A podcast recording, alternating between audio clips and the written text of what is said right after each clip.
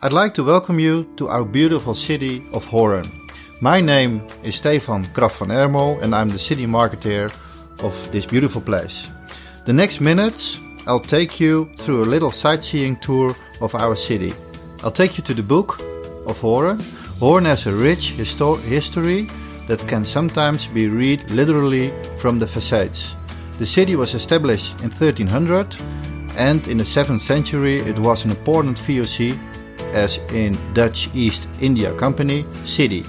Merchants, traders, seamen, dignitaries and authorities populated the then capital of West Friesland.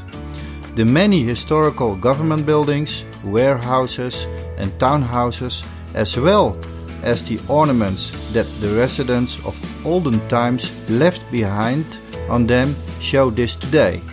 A walk through Hoorn takes back even the most down to earth West Frisian to the past. Hoorn knows a rich history of the Golden Age.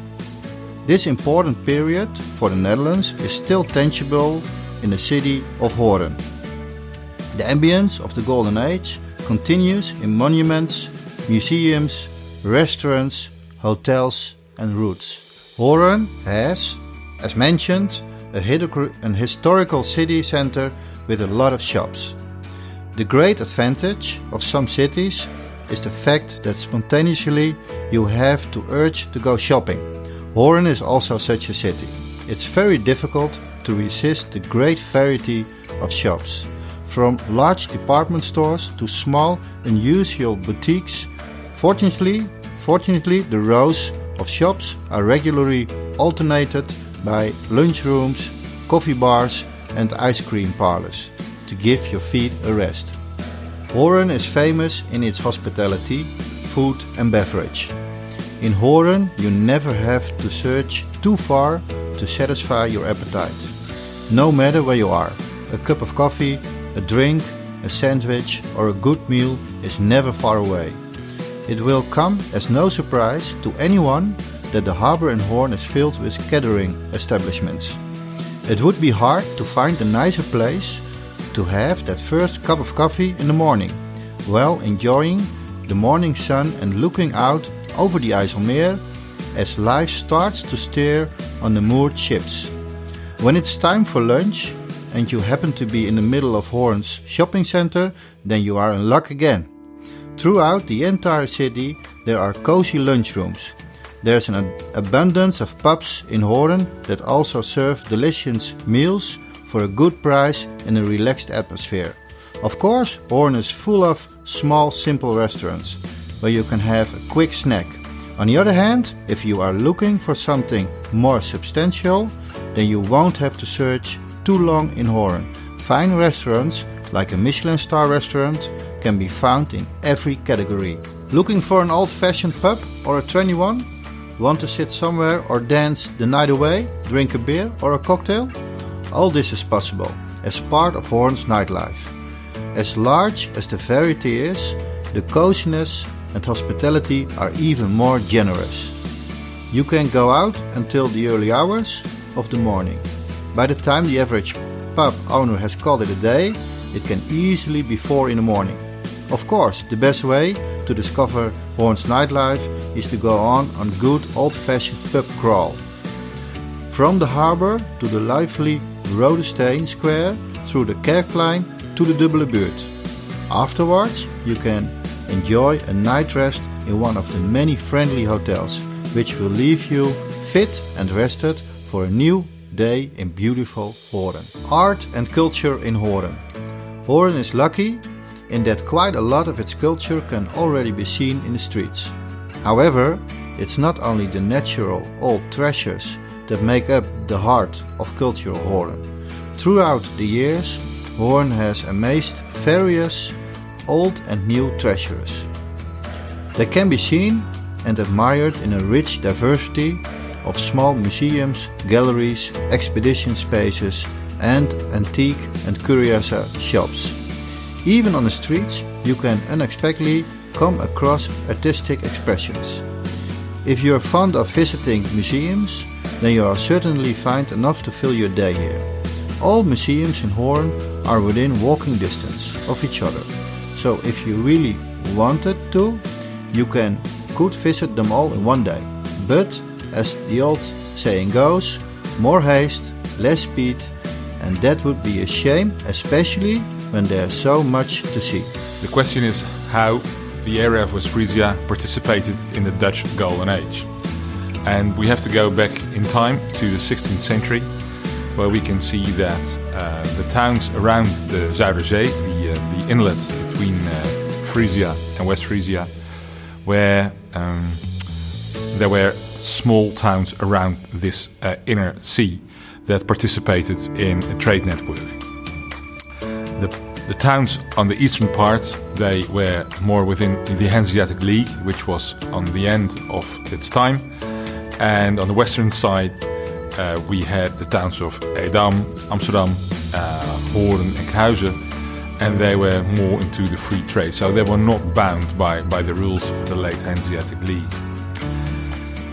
In that period of King Charles V, uh, Holland was uh, and West Frisia was quite a peaceful area where in the countryside there were scattered villages, and in those villages stood uh, farmsteads with barns, and the people uh, did some cattle raising, some dairy products, and the growing of vegetables and fruits, and not much more.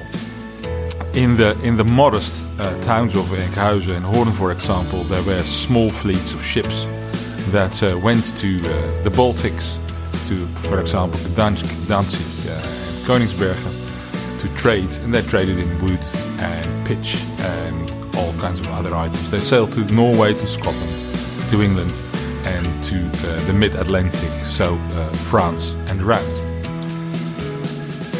The towns here um, were small scale, unlike, uh, for example, Bruges or, or Antwerp, uh, and they did not participate in this large scale European network, although they had their contacts.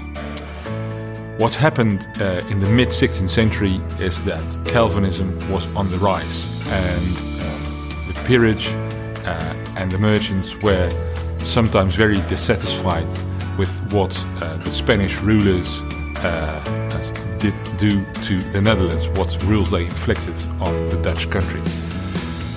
And with that, uh, the dissatisfaction rose, and after the iconoclasm in the in the mid 15th century, uh, mid 16th century, we see that this uh, that the organization uh, against the Spanish rule was growing and growing, and that culminated in the uh, in the beginning of the Eighty Years' War.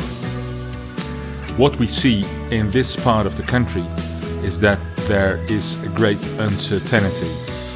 We, for example, discovered a hoard of silver coins in the village of Westwoud, about 100 silver coins that were buried there in 1572, all uh, Philip's II coins, and that stresses uh, the situation where people are so uncertain that they bury their treasures, their money, in the ground and hope for a safe return and that they can never dig it up. What we uh, also see is that uh, after the defeat uh, of the Spanish army on the land near Alkmaar, uh, on, on, on, the vestiges of Alkmaar, uh, the war progresses uh, at sea. The fleet, combined fleet of the Spanish Empire and the Amsterdam merchants, try to secure the roadway, the sea road between Amsterdam and Groningen and Friesland, which was still in Spanish hands, is being frustrated by the Goes, the, um, the Spanish, uh, the, the, Protestant uh, insurgents, and the insurgents here in West Frisia collaborated into what we could say was the first admiralty to fight the Spanish uh, fleet. Uh, in October 1573, the Spanish fleet was defeated by a very small fleet from West Frisia. Uh, it was David against Goliath, and um, we saw that in three days of battle, they um, uh, they they they won this whole battle. And now, um, what we do in our archaeological research is to scan the uh, the sea bottom of het Hoornse Hop. That is the uh, inlet sea of uh, of Hoorn, where the where the sea is very shallow, and where the um, where the uh, where we find the remnants of the shipwrecks on the bottom of the sea. So we hope in the coming uh, few years that we will find many of these shipwrecks there. What we see is that the, the towns are growing, Enkhuizen and Hoorn mostly, the harbors are growing, and the participation in the international trade work network overseas towards the Baltic, towards the northern Atlantic for whale fishing, uh, towards France for, uh, for wine, the Mediterranean for all kinds of uh, Mediterranean products, and of course the West Indian Company for tobacco, and sugar, but mostly the United East Indian Company for all kinds of haberdasheries like porcelain and everything you want to have, brought great wealth to our towns. And that lasted far into the 17th century. When you think about the Golden Age, you have to think about Hoorn. Uh, in the 17th century, Hoorn was the center of the world. And it sounds a little bit crazy, but it's true. And you have to come to Hoorn to believe it and to see that for yourself in our beautiful harbor, in our beautiful center, and in our beautiful museum. Uh, it's all over the place. You can see it outside, you can see it inside. But the golden age uh, yeah, was, was the period of richdom and uh, yeah, the, the period when Hoorn was booming. And you can come to Hoorn and you can uh, see that by yourself. So I will ask everybody come to Hoorn, see it by yourself, and visit the city of the Golden Age, Hoorn. And it's very near Amsterdam. By train, it's less than 30 minutes. So you uh, you can come there by train. Of course, you can come there by car or bike if you want. But with the train, it's only 30 minutes away from Amsterdam. So it's very close by and uh, yeah, we call it Holland above Amsterdam. So come and see it by yourself. Thanks for listening, and I'd like to welcome you to our beautiful city, Hoorn. For more information, www.ilovehoorn.nl.